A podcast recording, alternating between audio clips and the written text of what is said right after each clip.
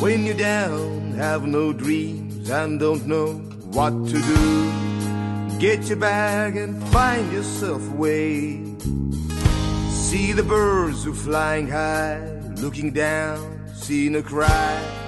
You should listen words they have to say. When you feel you have no wings, all the land seems so far away, far away, far away. But you always have your dreams. You don't only have to hesitate, don't hesitate, don't hesitate. Yeah. Up your head and back your head, clear your mind and if you dare. tere päevast, Marek up and climb the nearest Tervist. ja hakkame kohe pihta, et välja sai kuulutatud, et räägime õgimisest, tapmisest, söömisest. tapmisest mitte nii väga, aga õgimisest küll, jah. Et ähm, mina mäletan sind sellest ajast, kui sa sõid liha ja mitte vähe, aga palju. et kuidas kommenteerid, et ähm, et kuidas see juhtus, jah? see on väga huvitav. personali valik juhtub väga lihtsalt, et kui ükskõik millistel kaalutlustel kordki ühegi aspekti äh, vaevub inimene läbi mõtlema, mis on siis äh, sügavam nagu tarbimise või tarbimisvalikute tagajärg, siis mingil hetkel on väga raske seda jätkata, ehk et äh, äh, arvud, mille vaatamist inimene üldjuhul püüab vältida, noh seda, kui suur on meie tegelik jalajälg, kui suur on tegelik mõju. Ja siis äh, nende arvude vältimise puhul noh, kõikvõimalikud, kõikvõimalikud argumendid toimivad alati väga hästi. inimene on leidlik, leidmaks äh, põhjusi, miks arve on võimalik teistmoodi tõlgendada. no siis räägimegi arvudest. tänasel hetkel on inimene oota, oota, ma segan vahele, sa läksid nüüd kuhugile ei, ma, ma ei ära. läinud mitte kuhugi ära, ma, ma räägin nagu sellest, et mis tekitab kuidas sina ja ma räägingi iseenda valikutest, ma räägingi iseendagi valikutest, ma olen, ma olen äh, süsteemselt analüüsinud ja väga pikalt vaadelnud inimese, keskkonna ja muid nagu seoseid. no ja, ja, ja ma ütlen ausalt, et, et äh, minu puhul oli niimoodi, et äh, minu tütar tegi selle valiku enne kui mina. ja ta tegi seda ka täpselt samamoodi tervemõistuslikel argumentidel arvutades, vaadates, milline on inimese mõju keskkonnale läbi selle, et inimene õgib liha tohututes kogustes. et aru saada sellest mastaabist, mis on nii-öelda inimese lihatarve, siis noh, me saamegi rääkida nagu biomassist või massist, mida noh, inimkond tänasel hetkel enda alla võtab. inimesi on üle seitsme miljardi ja kõik inimesed kokku kaaluvad umbes viissada või kuussada miljonit tonni. kus sa tead? See on arvutus, noh, enam-vähem me kujutame ette, inimeste arvu me ka aimame, aga noh, neid ei ole kindlasti sada miljonit, neid on ikkagi üle seitsme miljardi. no see on täpsem kui see number, mis sa, mis on putukate kohta, et eh, mingisugune veel suurem number. no me, me isegi oskame hinnata, milline on biomass kokku maakeral, seda on umbes viis tuhat või kuus tuhat miljardit tonni, see on üldse kogu elu. Sellest moodustab inimene siis väiksema osa, milleks on viissada või kuussada miljonit tonni, ja, ja nüüd tuleb nagu tõsiasi, et inimkond koos oma öö, koduloomadega, noh, keda siis nagu kasvatatakse selleks, et tappa ja süüa, neid koduloomi kokku on umbes üheksasada miljonit või miljard tonni. noh, ja see on siis nagu inimkond koos oma loomadega. ja nüüd, kui me võrdleme seda looduses olevate imetajatega, kes maismaal ringi käivad, siis neid maismaa imetajaid on kõigest kuuskümmend või seitsekümmend miljonit tonni massi mõttes. arvukuselt ka oluliselt vähem kui inimkonda kokku ja nüüd me olemegi nagu situatsioonis, kus inimkond juba selle tõttu, et me oleme nagu paisunud, me oleme kasvanud, meid on, meid on juurde tulnud, me oleme täitnud ka just sellised loomalised ökonišid maakeral praktiliselt täielikult. Noh, ja, ja, ja kui me räägime toiduprobleemist, noh, et nagu keegi on näljas kusagil ja nii edasi, nii edasi, siis see tuleneb ennekõike just nimelt sellest, et, et harjumused ja traditsioonid, mis on kogu aeg olnud, et noh, sa ütled ka mulle, et näete, ma olen ka traditsiooniliselt olnud lihasööja ja kõigesööja ja tõepoolest oota olen, sinu argument oli see, ma mäletan täpselt, me küpsetasime ribi, seda oli Nii. palju, see oli rasvane, see oli mõnus, see oli maitsev Jah. ja sinu argument oli see, et loomne valk, kallis sõber, on noh, eluliselt vajalik On. asi ja seda mitte kuskil mujal kui liha sees ei ole. Eh, mul ei olnud kindlasti seda argumenti, oli, ei olnud. kindlalt oli. no kui sulle tundub, et oli. kus ma selle võtsin muidu? sa võtsid selle sellest, et see on üldine argument. ma isegi ei teadnud sinnamaani, et on olemas loomne valk. vaevalt, aga see on nagu üldine müüt, mis eksisteerib, see üldine müüt eksisteerib kogu aeg, et ilma loomse valguta inimene toime ei tule ja see on täiesti nii, ja sina tavaline. levitasid seda, kuidas nüüd juhtus, et äkki? mina sõin liha, mitte ei levitanud levitasid müüti. mulle, rääkisid, ära vaidle. ja ennem seda ja tegin sinust lihasööja, okei okay.. aga, aga tänane seis on nagu selline, et kui need arvud lasta korra oma mõistusest läbi, siis asjaolu, et täna inimkond selleks, et kasvatada kõiki neid loomi tehistingimustes, keda süüa, keda on siis noh, kümneid kordi rohkem kui neid elukaid, kes elavad nagu vabas looduses, kulub meil ära peaaegu kolmveerand põllupinnast. kolmveerand kogu viljakast pinnast, kui palju seda üldse siis on? Seda on väga palju, ma ei oska kui palju on peast- väga palju? ma ei oska peast öelda no aga mis see kolmveerand mulle ütleb? no kogu põllumajanduse, kogu põllumajanduse all olevast pinnast no oskad sa öelda ruutkilomeetrites või ma ei tea, mitmendik maa planeedist või, või no mingi, millest aru on võimalik saada, et kui palju seda siis on, et see on kolmveerand umbes- kogu põllupinnast ei ütle midagi. kolmveerand kogu põllupinnast, läbi sellega. no ma ei tea, kui suur on põllupind. põllupind on suur, suurem kui no ookean on seitsekümmend protsenti on maailma meri, maa, maakeras, seal ta ei no, ole. ütleme, ütleme nii palju seda ei ole, aga viljakast, võtame niimoodi, viljakast pinnast, mille inimene on kasutusse võtnud öö, põllumajanduse jaoks, see on siis umbes nelja tuhande aasta jooksul. jah, on kolmveerand seda, mis on, mis on ainult selle jaoks, et kasvatada loomadele toitu, mida neile sisse sööta. ja nüüd, nüüd see, see tõsiasi on nüüd selline, et kui meid on täna siin maailmas seitse miljardit või natukene juurde ja kui meid tuleb nagu juurde aina rohkem ja rohkem, kuna see juurdetulek on väga mõistuspärane selles mõttes, et ega inimkond ongi hakanud tehnoloogiliselt arenema siis, kui ajusid on juurde tulnud, kõvasti juurde tulnud. Ehk et inimkond on olnud oma miljardi või mõnesaja miljoniga aastatuhandeid ja ühtäkki tehno-, tehnikarevolutsiooni ja teadusrevolutsiooni tulemusena on meid saanud väga palju, see, see on tegelikult muutnud ka kultuuri ja käitumist, ehk et inimeste lisandumine ei ole mingisugune katastroof, vaid see on hüve. Ja öelda, et noh, inimkond on liiga suureks kasvanud, saabki öelda ainult selle tõttu, et põllumaad jääb liiga väheks. jaa, ja nii, me jõuame selleni, et põllumaad on ebaproportsionaalselt palju ja see on selle jaoks, et Pidada anda looma. loomadele süüa ja loomad on selle jaoks, et me saaksime nad kasti, noh, ära tappa ja siis ära süüa. paraku nii. ja nüüd sa väidad, et me ei peagi neid sööma, et Ma kas me peaksime jahil käima näiteks Ähm. sest jahil öeldakse, et hunte on liiga palju, siis on liiga palju irvesid, kitsesid, siis on sigu vaja lasta. Eh, jahipidamise juurde me veel jõuame okay., aga, aga, ja seal on ka omad küsimused, mida tuleks nagu ühel või teisel moel lahe- lahendada. aga kui me tuleme nüüd nagu sellesama põllupinna juurde ehk, ehk asjaolu juurde, et inimene on küllaltki ühetaoliste taimekultuuridega tät-, täitnud ära väga suure osa ökonišidest, noh, langetades troopikas metsa ja nii edasi, nii edasi, kujundades ümber nii-öelda ökosüsteeme siis äh, selle mõju meile on paratamatu, ehk et nii-öelda selle tulemusena on lisaks kliimamuutused juurde, inimtekkeline komponent sellest, selle tulemusena on hakanud öö, maakeral elavad liigid ka välja surema. me oleme jõudnud liikide väljasuremisperioodi, kus neid sureb välja nii neid, kes on looduskaitse all, kui, kui neid, kes ei ole looduskaitse all ja, ja, ja, ja, ja, ja, ja, ja, tulemus on see, et kui me mitte midagi ette ei võta, siis ökosüsteemi vaesumine viib paratamatult sinnamaani, et ka meil muutub olukord siin ebamugavaks.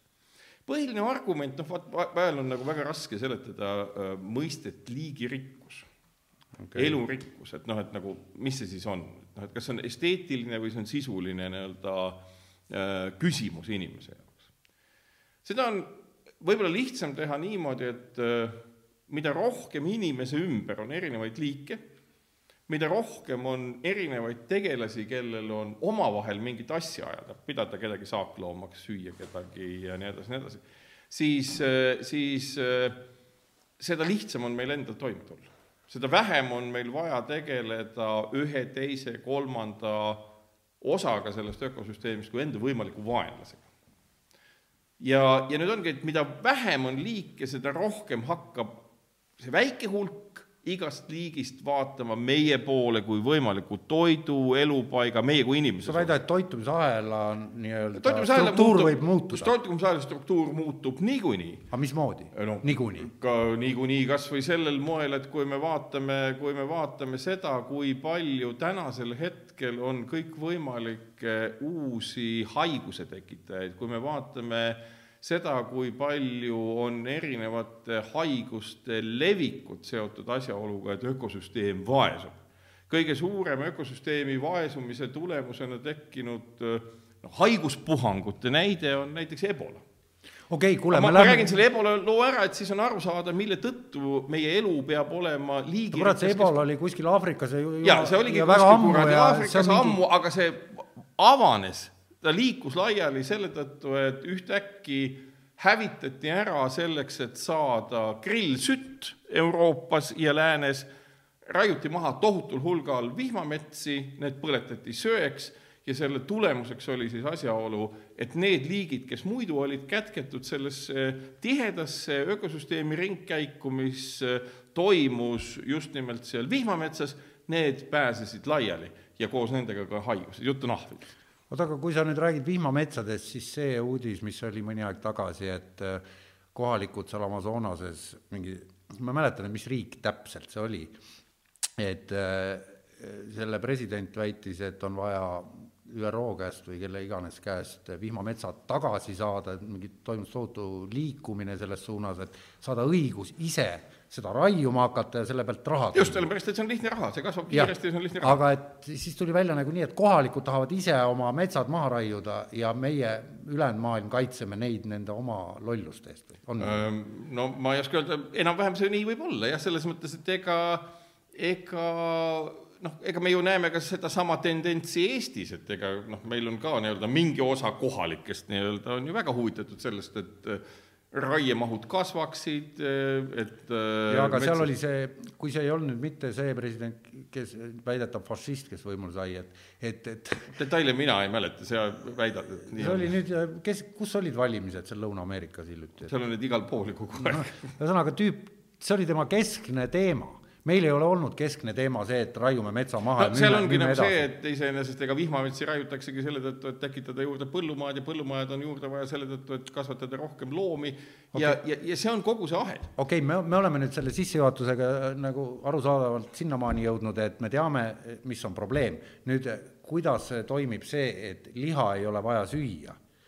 et, et inimesed noh, jagunevad ju teadupärast mitmesse gruppi, kellest ühed väidavad, et liha peab sööma ja, ja teised, et teda erinevatel põhjustel ei pea sööma. Äh, siin ongi nüüd nagu põhiargument. põhiargument äh, milleks? et, et äh, tervise mõttes, et, et organism ei vaja mingi... sedasama loomset valku enam või? organism vajab lihtsalt valku ja, ja selles mõttes, kui keegi tuleb, see on nüüd nagu veel omaette küsimus, et kui keegi tuleb ütlema, et jaa, et vaadake, et liha söömine on väga ebatervislik ja et äh, siis näiteks äh, roheliste taimede söömine on väga tervislik, aga ärge punaseid taimi sööge. et ega sellel ei ole ka mingisugust äh, tõepõhja all. et ega söömine on lihtsalt tervislik. nüüd, kui keegi väidab, et on olemas mingi imedieet, mis on väga tervislik ja mingi dieet, mis ei ole üldse tervislik, noh, siis sellel väitel ei ole ka kahjuks tõepõhja all.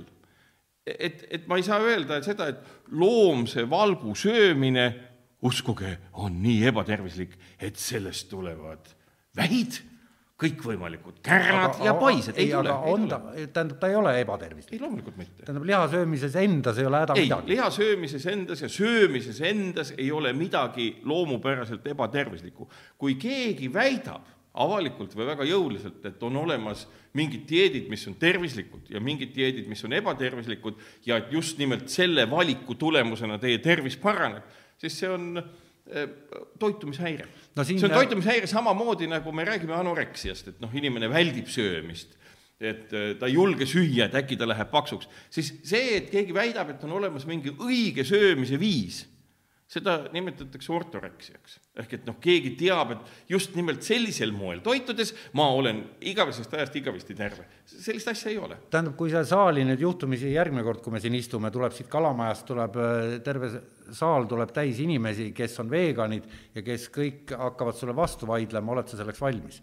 ja, ja ma olen valmis, ma arvan, et nad ise on ka valmis selleks, et aru saada selleks, et nende äh, toiduvalik ei tee neid loomu poolest tervemaks see paneb neid tervemalt mõtlema tunduvalt laiemalt kui pelk dieet, pelk nagu see, mida süüakse. noh, kogu see dieedimaailm, noh, mis ütleb näiteks, ütleme, üks hästi huvitav dieedimaailma osa on see, mis ütleb, et oo oh jaa, et meil on siin näiteks paleodieet, et meil on nagu see, et kui me sööme niimoodi nagu kiviajal näiteks või ammu-ammu, et siis me oleme terved, kuna siis olid inimesed hästi terved no kui vestelda näiteks äh, arheoloogide ja antropoloogidega, kes on seda teemat uurinud, nad ütlevad, et no et iga inimasumi leiukoht on väga erineva dieediga, väga erineva toitumismudeliga. Ja ütleb ühte asja, et inimesed sõid seda, mis neil ümberringi oli võimalik süüa, inimene ongi kõigesööja, meie, meie evolutsiooniline eelis on see, et me erineme väga palju koalast. oota, aga kuidas sa põhjend- või se-, seletaksid seda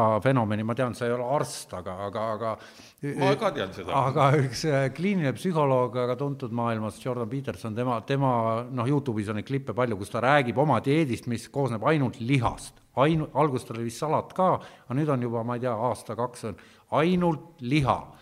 ja muud mitte midagi. ja siis ta loetleb üles mingi kümneid haigusi, mis ta tänu sellele on ära kadunud ja ta ütleb välja seda, et tema ei tea teadlasena ja ei olegi, ja ta on ilmselt küsinud ju ilmselgelt, et teiste teadlaste käest, erinevate erialade, kes peaks teadma, keegi ei oska seletada, et kuidas see toimib aga see mis asi?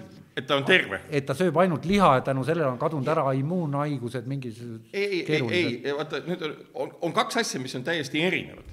üks asi on see, et inimene sööb ainult liha ja püsib elus. sellega ma olen täiesti nõus, sellega on kõik igati okei okay.. ei, ta ei püsi elus, ta saab terveks. ei, nüüd ongi, nüüd on nagu see Nii. järelduse koht, mida ei ole teaduslikult uuritud ja ma arvan, et ma võin esitada hüpoteesi, miks ta võib ennast tunda väga hästi ja mille tõttu tema immuunsüsteem võib ennast hästi tunda. ja see on see, et et inimene sööb ainult liha, no põhimõtteliselt inimene võib süüa ainult mida tahes oma omnivoorse ehk kõigesööja organismi tõttu, me püsimegi elus selles mõttes ma ütlesingi, et me erineme koalast, kes peab sööma eukalüptilehti, et elus püsida. meie võime süüa mida tahes. kui sul on terve elu olnud mingi raske haigus Just. ja, ja, ja sa hakkad sööma ainult liha ja see haigus kaob seoses Just. sellega ära. tulebki nagu põhjendus selle kohta, miks see võib ära kaduda ja mis on nagu imelik, et nii-öelda, kes ta oli, neuropsühholoog? ei, kliiniline psühholoog. kliiniline psühholoog. noh, mis ei ole päris arst, vaid selline nii-öelda nõustaja pigem. ta on isiksuse psühholoog. just, ja nüüd jah. nagu tulebki asjale selgitus. see on sama asi, kui kokku tuleb terve saalitäis inimesi ja telepastor hakkab nende ees kätega vehkima ja ja siis tulebki päriselt, oot-oot, stopp, siis tulebki päriselt halvatud inimene, kes on ratastoolis ja see emotsioon, mida suudab nii-öelda selline kollektiivne psühhootiline emotsioon, mida suudab telepastor tekitada telekaamerate ees päriselt ja inimene tõusebki püsti, see on tema ajukeemia, mis laseb tal püsti olla võib-olla ühe päeva, võib-olla kaks päeva ja siis ta on ratastoolis tagasi. nüüd me ei saa alahinnata seda ortorektilist fenomeni, mis toidu muutmise tulemusena inimesse süstitakse ehk et kui inimesel on haigused ja ta teeb mingisuguse poolreligioosse valiku, näiteks ta ütleb, et nüüd ma hakkan sööma ainult liha, sellepärast et ma usun sellesse, et vaid liha söömine muudab mind, siis tegelikult ei ole välistatud, et see reaktsioon, mille tema immuunsüsteem selle tulemusena saab, parandabki ta. mitte aga... liha söömine faktina, vaid liha söömine teadvustatuna ja psüühilisse ja neurokeemilisse protsessi sisestatuna ja, ja see on hoopis teine asi. jaa, aga ta ei jõudnud sinna läbi mingisuguse kultuse mingi, ei, ta mingi... jõudis valiku läbi aga ja ta... ta pidi kuidagimoodi oma valikut ju põhjendama no, millega ta põhjendas? vaata, ta ei ole niisugune vend, kes eh, sel teemal läheb rahvale pastorit mängima, vaid et temalt on seda nagu välja pressitud, seda infi. ta, ta, ta ise ütleb ka, et ma, ma ei soovita seda kellelegi, see on peavalu, see on raske, see on eh, keeruline, see on. ja, ja aga ta usub sellesse. ei, ta lihtsalt, ta ütleb, et, et ma, ta ei tea. me mis... ei, ja me peaks seda inimest eraldi uurima, aga ma arvan, et väga suure tõenäosusega me näeme ortorektilist käitumist ja selle oota, seleta veel kord, mis ortorektiline käitumine usk sellesse, et minu toiduvalik põhjustab minu hea tervise.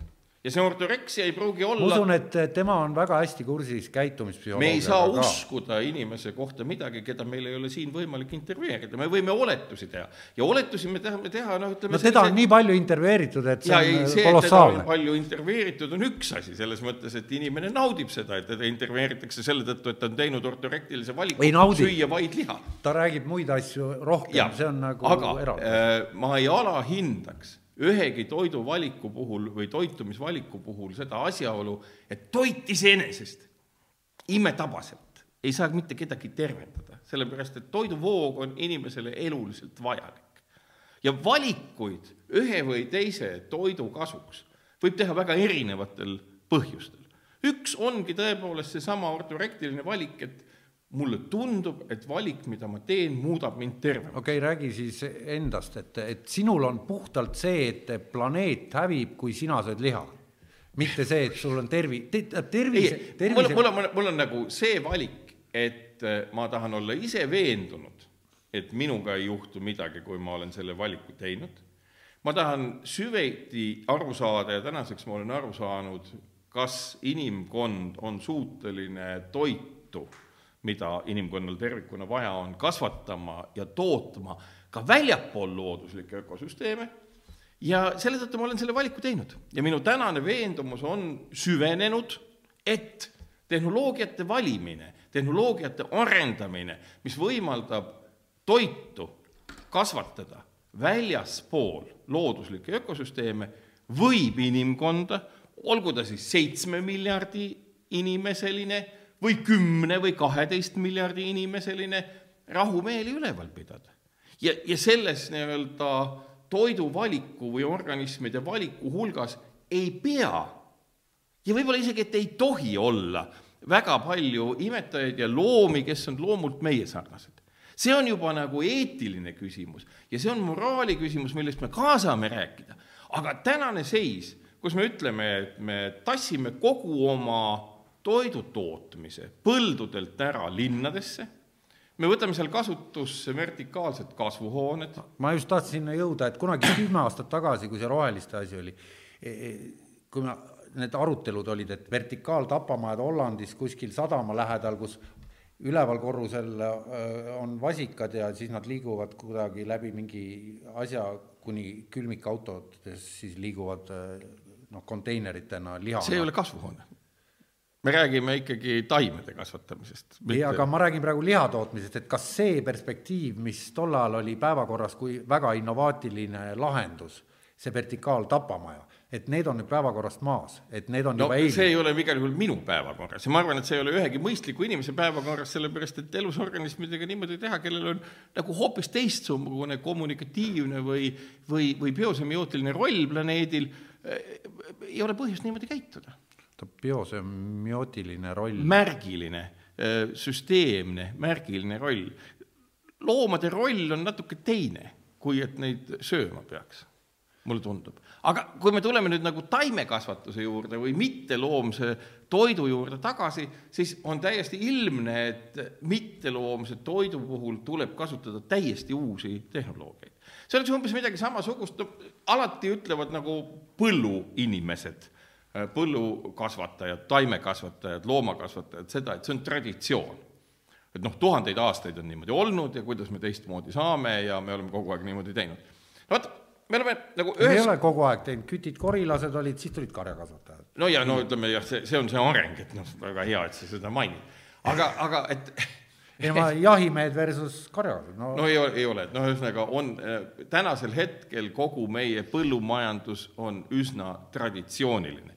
Selles on kasutusse võetud paljundamiseks ja, ja töötlemiseks ja harimiseks suur hulk masinaid, aga mingit olemuslikku evolutsiooni, olemuslikku revolutsiooni ja muutust ei ole toimunud.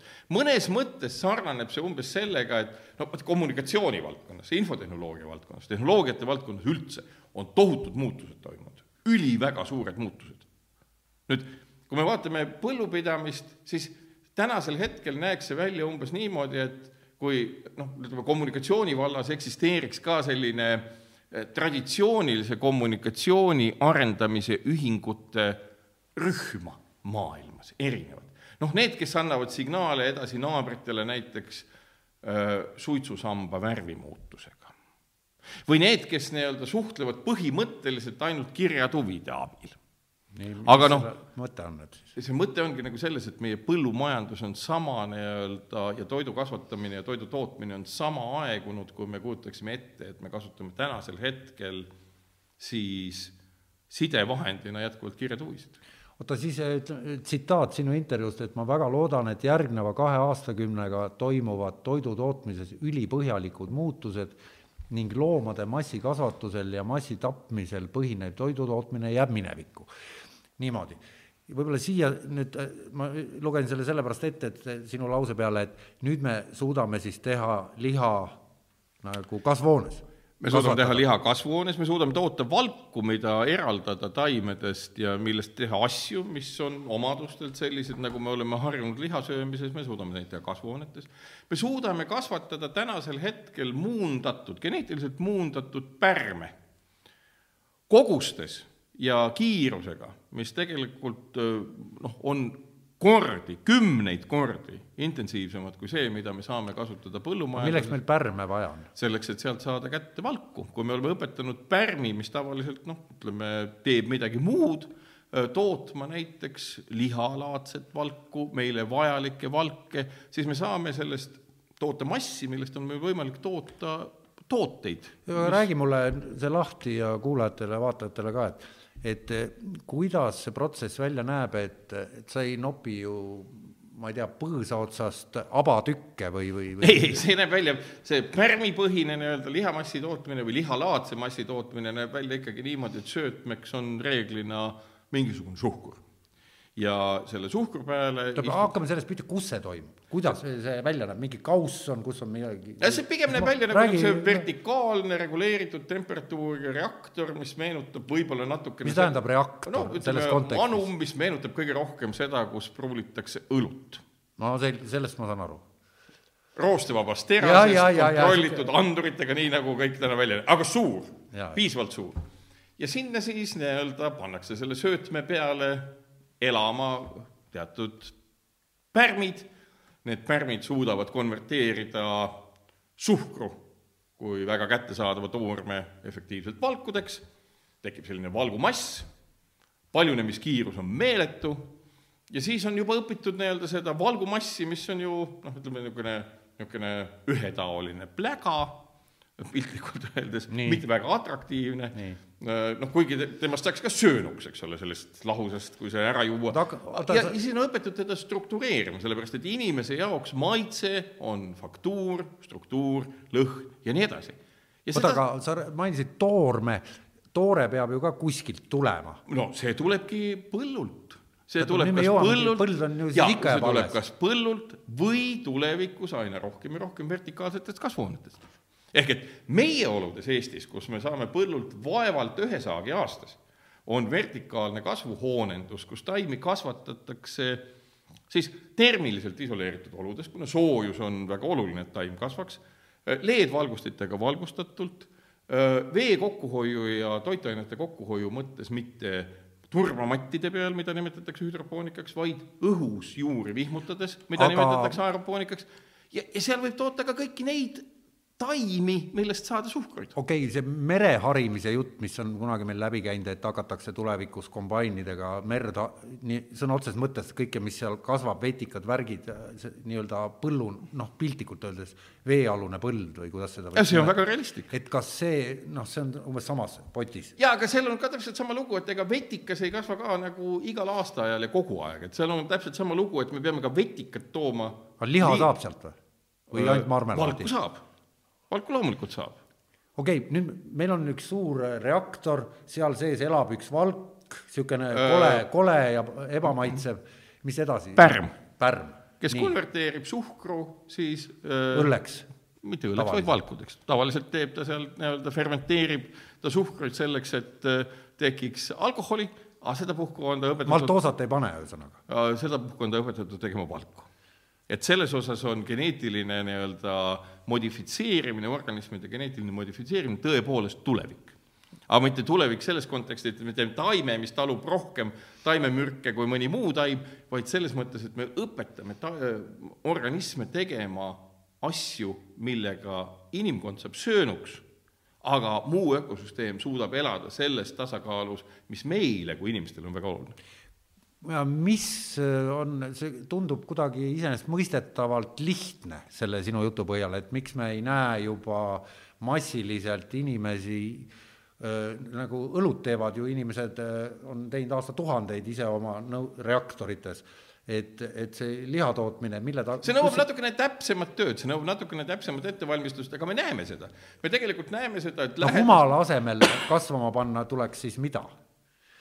et saada liha, mitte õlut? kasvatada kasvuhoonetes erinevaid suhkrutaimi, olgu need peet või suhkruroog või mis iganes, kus me saame suhkrut okay. või me saame tärklist ja kasutame tärklise hüdrolüüsimiseks mingit muud asja, ehk et kasvatada tuleb kõike, kus tekib suhkruid. et siis õpetada ümber pärme ja toota pärmide, pärmide abil sellest suhkrust valke, mida me sööme ma mõtlen, et see kuidagi norrakatele läheks peale, seal riik jagas ei, see läheb varsti kõigile peale sa,. Sa, samagonni kõik... auto, aparaate, mis tegele-, tegelevad ju ka suhkru töötlemisega, et. no jaa, et nagu siis on, no ma tahangi öelda seda, et iseenesest see innovatsioon, mida me peame nägema põllumajanduses, innovatsioon, mida me peame toidu tootmises nägema, see peab olema nii ulatuslik. selleks õnneks on loodud väga palju eeliseid ja eeldusi noh, tänases maailmas me näeme seda, kuidas aina rohkem ja rohkem tuleb uudiseid selle kohta, et keegi jälle on teinud mingi lihalaadse burgeri ja üllatus-üllatus, selle müük ja läbimüük ja minek on väga hea. ja, ja ongi näidete ja hea maitsega saavutataksegi lõppkokkuvõttes see, et ega noh, kui me mõtleme reaalselt, et noh, kui palju on inimesi, kes liha süües või lihalaadset asja süües vorsti järades, milles on ka ju mingid jäägid sees, noh, nii-öelda tapetud loomadest ühel või teisel moel, naudivad iseenesest kogu protsessi, mis on selle liha tekkimisel tulnud, väga vähesed vist, et kui, kui inimesele nagu teadvustada, milline on liha masstootmise noh, ei no need, kes on näinud, kuidas viinereid toodetakse, need, need enam ei kipu sööma pärast seda, et jah, no mingi suure näljaga, hädaga loomulikult, aga, aga mitte üldiselt. ja nüüd ongi nagu see, et, et, et iga kui ma ei tea, mööblitootja iga kui mis iganes asja tegija on reeglina uhke, kui ta viib inimesi ja näitab kogu oma tootmisprotsessi. lihatööstuse puhul seda öelda ei saa, sellepärast et lihatööstus pigem väldib seda esimest otsa ja pigem näitab seda lõpuotsa, kus on juba kõik asjad pakendis. nüüd me ju tahaksime näha toidutootmist, kus toidutootja on ka uhke, kus ta saab kogu seda protsessi aga see pär-, pärmilõga ei ole mingi ei no ta on ikkagi tehnoloogiline, ta ei ole vaatamine, noh, mis mõttes nagu sa vaatad teda, ta on nagu, ega ta nüüd ei ole mingisugune niisugune, et keegi puristab no, kummikutega, käib see, seal mingisuguses vannis ei no see viineri mass, see löga on umbes ja, ja aga, aga see on ikkagi, see on ikkagi inimesepärane see ongi nüüd nagu küsimus selles, et milline on inimesepärane toidutootmisahel. Ja see inimesepärane on mõistuserohke, see inimesepärane on tegelikult austav teiste närvisüsteemiga ja valu tundvate inimeste suhtes, siin nüüd tuleb see eetiline moment juurde, mida ei saa alahinnata. isegi kui ma ütlen, et minu valik ei ole mitte niivõrd eetilistel põhjustel tehtud, mitte kasutada taimset tooret või loomset tooret ja loomset toitu, vaid hoopis muudel kaalutlustel. aga ma ikkagi ütlen, et seesama nii-öelda eetiline aspekt, et ma tean, et see valik väldib valu, ebamugavust ja muud sellist asja, see on oluline, sellepärast et ega noh, nii-öelda masstappev teisi liike, meielaadseid, masstappev inimkond, no ei, ei, ei saa nagu lõplikult olla ikkagi noh, niisugune inimesepärane või väärikas. sa näed, et, et see on evolutsioon, et inimene on noh, see, et inimene on kiskja, see ei vasta tõele, inimene on omnivoor, eks. just. nii, ja nüüd siis evolutsioon on jõudnud sinnamaani, et meid on piisavalt palju, et me ei mahu enam seda põldu pidama, nüüd me teeme äh, vertikaalkasvuhooned ja. ja mitte ei hakka neid taimi sööma, vaid teeme neist taimedest ei, me võime ka neid taimi süüa, aga, aga, aga, aga, aga selleks, et valku kontsentreerida, peame me tegema mingisuguse tehnoloogia nüüd, nüüd see moment, et kuidas saab peedist pesumasin elektrommel kuidas saab peedist abatükk, et, et, et ta ole, näeb välja nagu ei, ta ei pea nägema välja nagu, abadüük. ei mina tahan, et ta näeks välja. no see on sinu eraldi asi, mida no sa ma ei lähe saad poodi nagu- ostma mingisugust äh, karburaatorikujulist abadü- või noh, ma ei tea okei okay,, no siis on sinu jaoks olemas eraldi nii-öelda, eraldi nii-öelda toiduprintimistöökoda või tööstus, kus sul tehakse abatükk. No ma räägin liha väljanägemise, lõhna, maitse. võimalik nii-öelda noh, jah, täpselt saada kogu see nauding, mida sa soovid. tähendab, see, mida sina praegu siin jutlustad, on siis see, et nagu kosmonaudile paneme tuubi peale ei, ei, tal peab liha- olema faktuur, ei toidul on ikkagi toidukultuur, toidu mingisugune traditsioon on väga sügav, väga pika No selles mõttes, et kõik nii-öelda toidud, mida me soovime, et oleks kasutusse võetud ja mille päritolu ei tohiks olla nii-öelda loomne, nad paratamatult peavad välja nägema loomsed, selle tõttu tuleb müüa taimseid hamburgereid Jaa. ameeriklastele, mis maitseksid paremini kui veiselihast tehtud. Ja siis nad ütlevad, et see on see, mida me tahame. Selles mõttes, et nagu selle kultuuri muutmine noh, ei, ei ole niimoodi, et ühtäkki öeldakse, et ongi need et karburaatori kujuline liha, et see on aga, see, aga Marek, aga sin-, sinu äh, lause, et traditsioonid ei saa olla ettekäändeks tappa või loodust kahjustada moodsate vahenditega ning nautida seda. aga täpselt nii see ongi. aga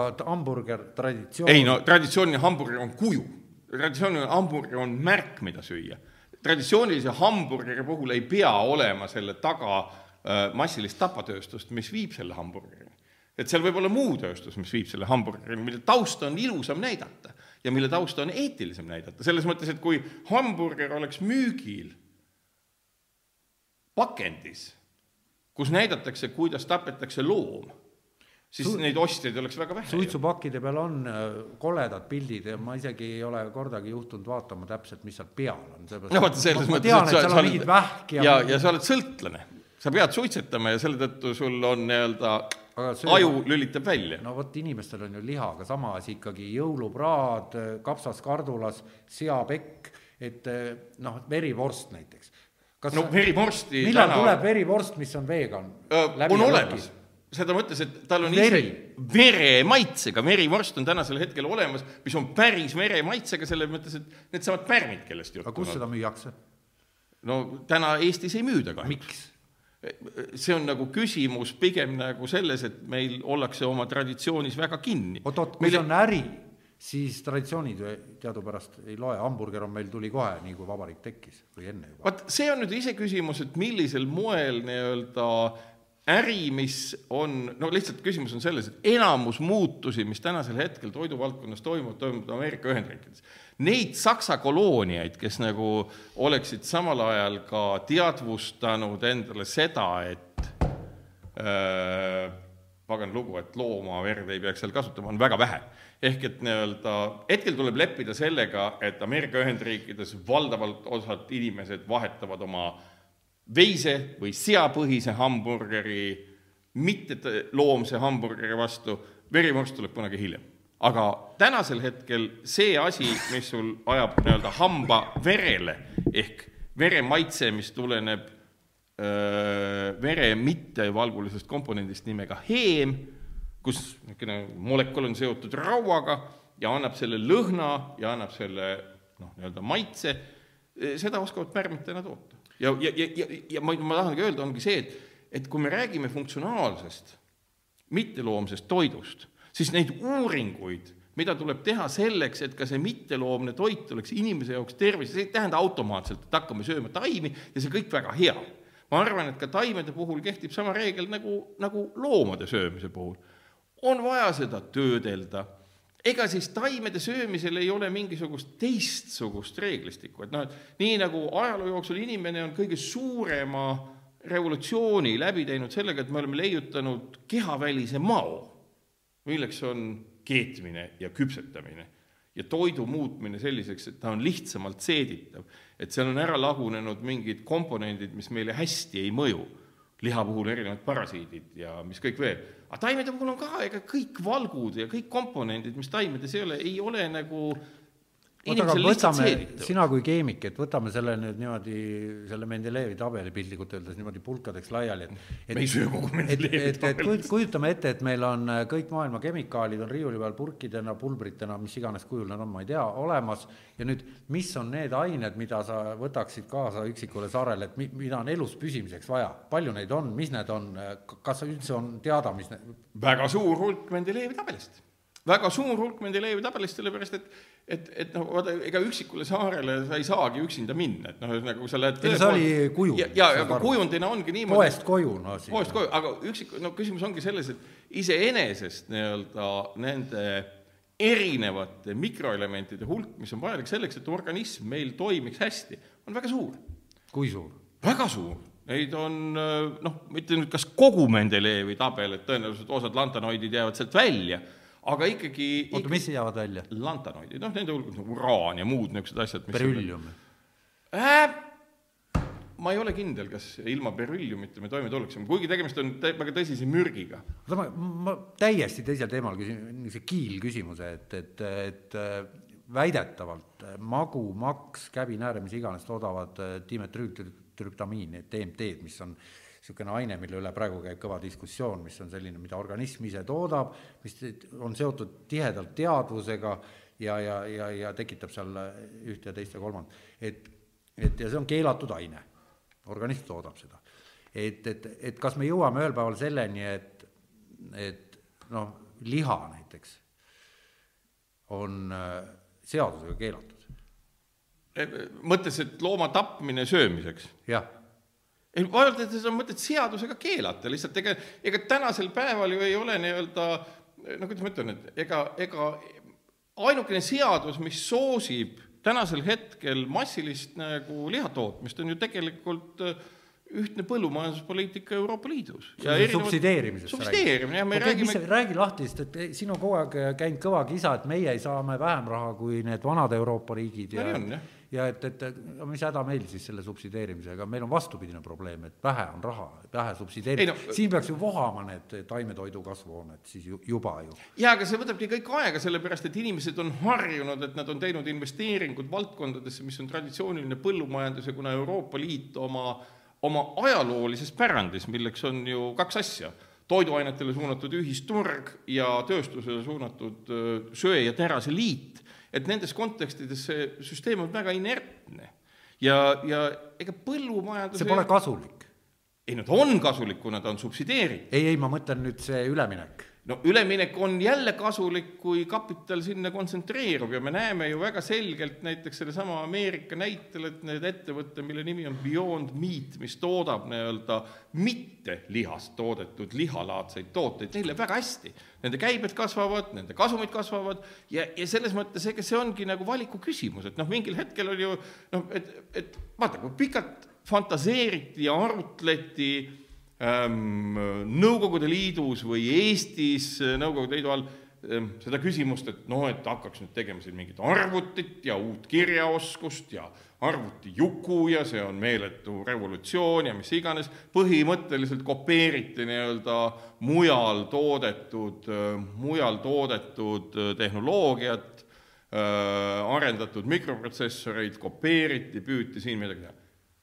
Arvutikasutus muutus massiliseks, kui see oli äriliselt muutunud massiliseks okay, ma- maailmas ma... ja täpselt samamoodi on nagu see, et meil on teoreetiliselt võimalus.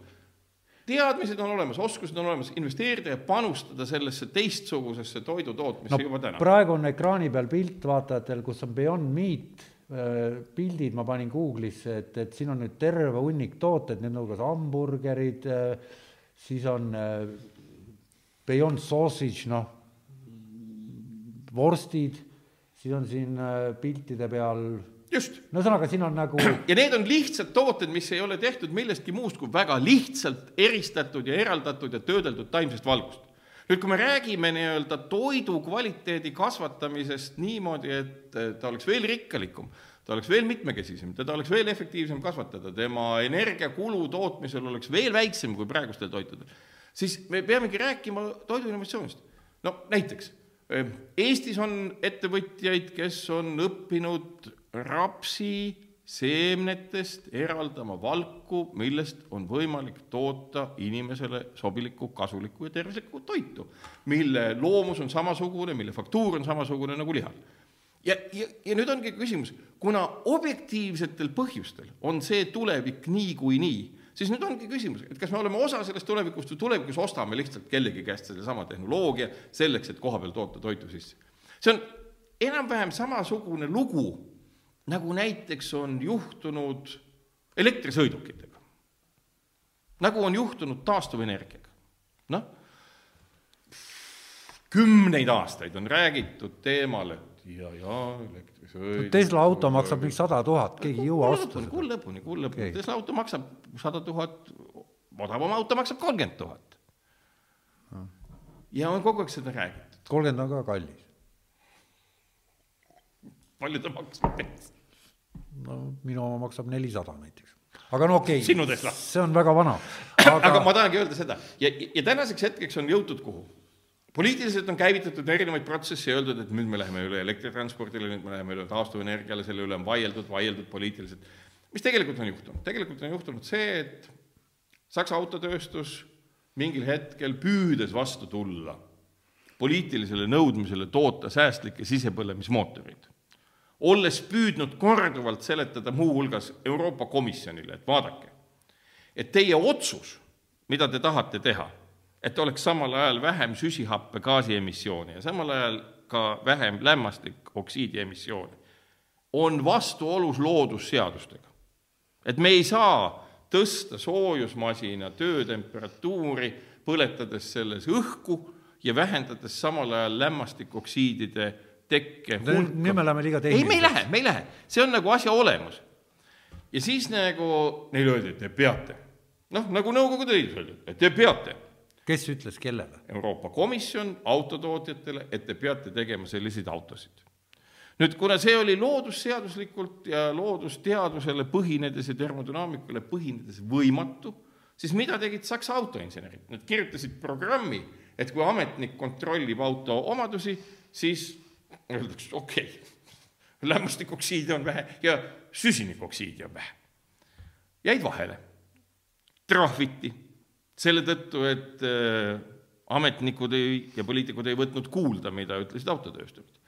autotööstus enam ei taha saada neid trahve ja selle tõttu on otsused küllaltki kindlad, et järgneva viie aasta jooksul minnakse täielikult üle elektri- ja vesinikuautode tootmisele. kus kohas? Saksamaal, Euroopas. oota, Euroopa on väga lai mõiste. no Euroopa Liidus Euroopa. Euroopa autotootjad, milleks on valdavalt Saksa autotootjad, lähevad üle elektri ja vesiniku. aga see ei kätke autotarbijaid ehk omanikke niimoodi jälle? ei no ega no omanikku ei tule, aga noh, lõpuks see auto ei, mädaneb su kätte ära, ei no ma mõtlengi, et siis äh, lakkab nagu nii-öelda nende juurdetulek, juurdetulek ja ka hooldus siis või? jah, täpselt nii, hoolus muutub väga kalliks, mis iganes, see muutub rariteediks, see on mingisugune omapärane asi, et sul on sisepõlemismootor. mind hakatakse sundima oma tisla vahetama nüüd siis mil-, mingi asja vastu, mis maksab miinimum kolmkümmend tuhat. ei, maksab ilmselt vähem, kuna neid toodetakse oluliselt rohkem. aga kui no, no ütleme, praegu on uue auto niisuguse noh, tavainimese, keskklassi inimese või ma ei teagi, kuidas neid jagada, niisugune kümme tonni umbes või no no ma arvan, et need hakkavad maksma umbes samamoodi, inflatsiooni juurde, mis iganes, suhtarvuna umbes samamoodi jah, kui on ja, ja mis juhtub, on see, et tegelikult muutus, mille ümber on tantsitud kogu aeg paratamatult selle tõttu, et tekkis nii-öelda poliitiline surve, karistamine autotööstuse jaoks, on nende otsus lihtne. me teeme ainult elektri- ja vesinikuautosid, vaadake ise, kuidas te toime tulete, me pakume selleks ka infrastruktuuri välja ja see juhtub.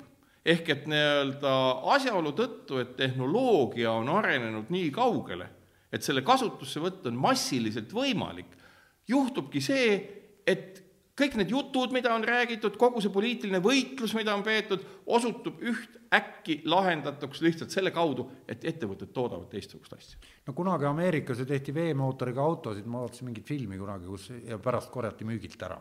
kas see oli väljamõeldis? ma arvan, et kuulates seda, et on veest tehtud, et vett kasutatakse vahetult energiaallikana ilma midagi kulutamata, see kostub väljamõeldis. see oli lameda maa peal võib-olla? see oli ilmselt lamedal maal, see on üks teine maailm, mis elab hoopis teist elu. aga toiduga on täpselt sama lugu. ehk et mingil hetkel need, kes süsteemselt investeerivad teistsugusesse toidutootmisse, mille taga on eetiline, ökoloogiline ja muu muutus, muutuvad edukateks. lihtsalt selle tõttu, et probleemid, mida tuleb kuidagi võideldes ja kakeldes ja poliitiliselt laheneda tänase toidutootmise puhul, need probleemid muutuvad nii suureks, et nende kandjad hüljatakse, see tehnoloogia hüljatakse, nagu faksimasinad nagu kõikvõimalik, nagu, nagu Prantsusmaal viimase hetkeni nad hoidsid ju elus, ma ei tea, mis aastani, kaks tuhat, kaks tuhat mõniteist vist või millal korjati ära see imelik mõrk, mis neil oli nimega Minitel. jah, ma mäletan seda aastast kus nagu tohutute rahade eest nii-öelda inimesed ostsid lennukipileteid ja mis iganes, tehnoloogiad lõpuks aeguvad ja mõistus pääseb ikkagi võidule, usun ma. ja, ja, ja ja, ja toidutootmises see toimub, sellepärast et tänasel hetkel noh, ütleme, kui sa ei ütle inimesele, kes on omnivoor ja kelle menüüsse kuulub liha, et see kõrgtehnoloogiline toit, mille sa ta ette annad, ei sisalda mitte ühtegi tapmisakti, siis ta ei ole suuteline põhimõtteliselt vahet tegema, mida ta sööb. selleks peab olema mingi eriline treenitud gurmaan, et teha vahet maitsestatud loomsel valgul ja maitsestatud mitteloomsel valgul. mul ei ole õnnestunud proovida ise ühtegi kunstliha. ei, et ma küsingi sinu käest, et kui sa esimest korda seda kunstliha sõid, et ma sain esimest korda lihtsalt ube ja, ja kõik inimesed on toitunud tegelikult taimsest valgust ilma erilise probleemita. oled sa loomset liha, siis sa polegi söönud või? või seda tähendab seda noh kunstliha. ikka olen, ma olen kõikvõimalik asja. ma mõtlen, kui seda esimest korda sõid, et. ei, seda ei ole võimalik ei, eristada. sa ei teinud vahet? ei, seda ei olegi võimalik eristada. päris huvitav, ma ei saa aru, miks seda siis ei ole igal pool. no see ongi nagu kas see... ta on kallim nii palju? ta võib-olla on natukene kallim. kui palju ta on kallim? ma ei oska öelda. ma ei ole, ma, ei, protsess on kindlasti ökoloogilisem, ökonoomsem kui see, et sa kasvatad taimi, mis neelavad ära umbes viis protsenti või kaks protsenti päikesevalgusest, muutes selle oma nii-öelda söödavaks ja energeetiliseks massiks, siis sa söödad nii-öelda need taimed loomi siis..., sa tapad loomi, sa lõikad ei, neid ja see on energeetiline küsimus. sellest e, energiast, mis on taimedes, omandab loom ka umbes üks või kaks protsenti. ehk et jättes kõrvale kõikvõimalikud eetilised aspektid, on loomade masstootmine läbi taimekasvatuse lihtsalt arulage energeetiline tsükkel. oskad sa tuua niisuguse lihtsa rahalise, ütleme, umbmäärasegi võrdluse, kui palju kilone kunstliha käntsakas tuleviku või no ütleme siis juba olevikus äh, hinna poolest erineb nüüd siis sellest äh, ma arvan, et ta muutub odavamaks. ta peab olema odavam või jääb hinna poolest samaks nagu turustamisel kombeks, aga on meeletult kasumlik. ma praegu mõtlen, mille peale kulub raha, ütleme Saaremaal vaadates, mis laudas toimub, no kõik sõnniku, vedu, loomade ülalpidamine, majad või nende lautade ehitumine normide järgi no. Pärmi ka... reaktor on kindlasti meeldivam kui, aga kui, vot kui... mind vaevab see, et miks seda ma ei tea, et oleks siin. no aga sellepärast sa ju küsidki minu käest, ma räägin, mis on ja sa küsid, et miks sa ei tea aga seda. räägi siis äh, jällegi uuesti, et, et, et miks ei ole noh, maapiirkonnas näiteks eurotoetuse peale meie külla ehitati suur moodne laudahoone, seal mitusada lehma sees. ja lüpsimasinad ja kogu see. sellepärast, et see on asi, millest aru saadakse. nii, aga mis seal, kui sa ütled, et näed, Euroopa ütleb, et näed, siin on papp, ehita omale nüüd see, ma ei tea, reaktor. aga ta ei ma... ütle seda sellepärast, et ühtses põllumajanduspoliitikas puudub kokkupuude keskkonnapoliitikaga selles aspektis, et märkimisväärselt vähendada seda keskkonnamõju, mida tekitab traditsiooniline loomakasvatus. ehk et poliitilises argumentatsioonis, poliitikates, seadusloomes seda seost ei ole. selle tõttu köetakse raha jätkuvalt traditsioonilisse loomakasvatusse, traditsioonilisse aga kliimalepe kui selline? seal seda seal nagu ääri-veeri on, aga mitte nii tugevalt, et see mõjutaks eelarvepoliitika muutust ja, ja selles mõttes ongi see tahte küsimus. Ameerika Ühendriikides, kus näiteks puudub noh, klassikalises mõttes subsideeritud põllumajanduspoliitika, on igaüks, kes tuleb välja energeetiliselt tõhusama atraktiivsema ja turustatavama asjaga, see on nagu liberaalse majanduse süsteemi nagu eelis. ta saab selle tegelikult samm-sammult muuta uueks traditsiooniks, mis seal ka toimub ja nüüd noh, meie küsimus on lihtsalt selles, et kas me tahame lokaalselt muuta oma poliitilist eelistust põllumajanduses või mitte ja kuna me ei taha seda teha, noh, keegi ei hääleta nagu selle poolt, et kõigile tundub jätkuvalt, et et võetakse sõna ja öeldakse, et oo, et no,, et aga... meil on siin ka, kui karusloomakasvatus ära kaob, et siis okay. kogu Eesti majandus kukub aga, aga siin ongi koht nagu üleskutseks mul sulle, et et nüüd inimesed kuulavad ja vaatavad seda, kes peavad loomi, on harjunud sellega, et naabrimees peab loomi ja mm, -hmm. ja mhm. ostavad poest liha ja nii edasi. nüüd noh, mina näiteks tahan Saaremaal nüüd hakata tegelema nüüd niisuguse perspektiivika soodsa majandusharuga nagu kunstliha tootmine, mis, mis ma pean siis tegema? näiteks ube või herneid kasvatama need juba kasvavad. väga hea, ja siis sa pead looma väikese nii-öelda reaktori, millega sa Oot, saad sealt kätte kus ma selle saan? no selle jaoks on Eestis olemas nii mitmeidki kohti, kus seda on arendatud, Tallinnas on toidu- ja fermentatsioonitehnoloogiate arenduskeskus, mis on tegelenud sellega, ehk et, ehk et selline, kuidas ma ütlen jalutan sinna sisse, ütlen müüge mulle palun üks aparaat. ma arvan, et see on täitsa diil, jah ja ma lähen kitsa. ja vaevalt, et sa selle aparaadi saad umbes nagu kohvimasina hinnaga või ütleme, nagu elektrilise akna. mis see võiks maksta siis? Ma ei oska öelda, ma arvan, et ütleme, kui sa Suur tahad nii-öelda käivitada mingisuguse mõnehektarise nii-öelda oa või hernepõllu pealt, noh, võib-olla peedipõld lisaks, et sul on seal olemas, tahad ise käivitada nagu oma nii-öelda mingit noh, nii-öelda lihalaadse toote tootmist, ma arvan, et need investeeringud jäävad mingisuguse viiekümne ja saja tuhande euro vahele. ja siis sa oled suuteline noh, ütleme mõnehektariselt põllult saama nagu päris palju niisugust liha. kotletti ja lihalaadset oota, aga see on nüüd huvitav. Mul ongi mõni hektar seal ja maad ja, ja nüüd arutame nüüd seda asja edasi, et ma lähen nüüd kirjutan pro, projekti kirjutan või? kellele? vot ma küsingi nüüd. ei, selles projekti peab kirjutama iseendale. nii et niisugust ja... Euroopa Liit ei, ma, ma, ma arvan, et toeta. nagu Euroopa Liit, sa kulutad tõenäoliselt aastaid selleks, et leida toetusmeede.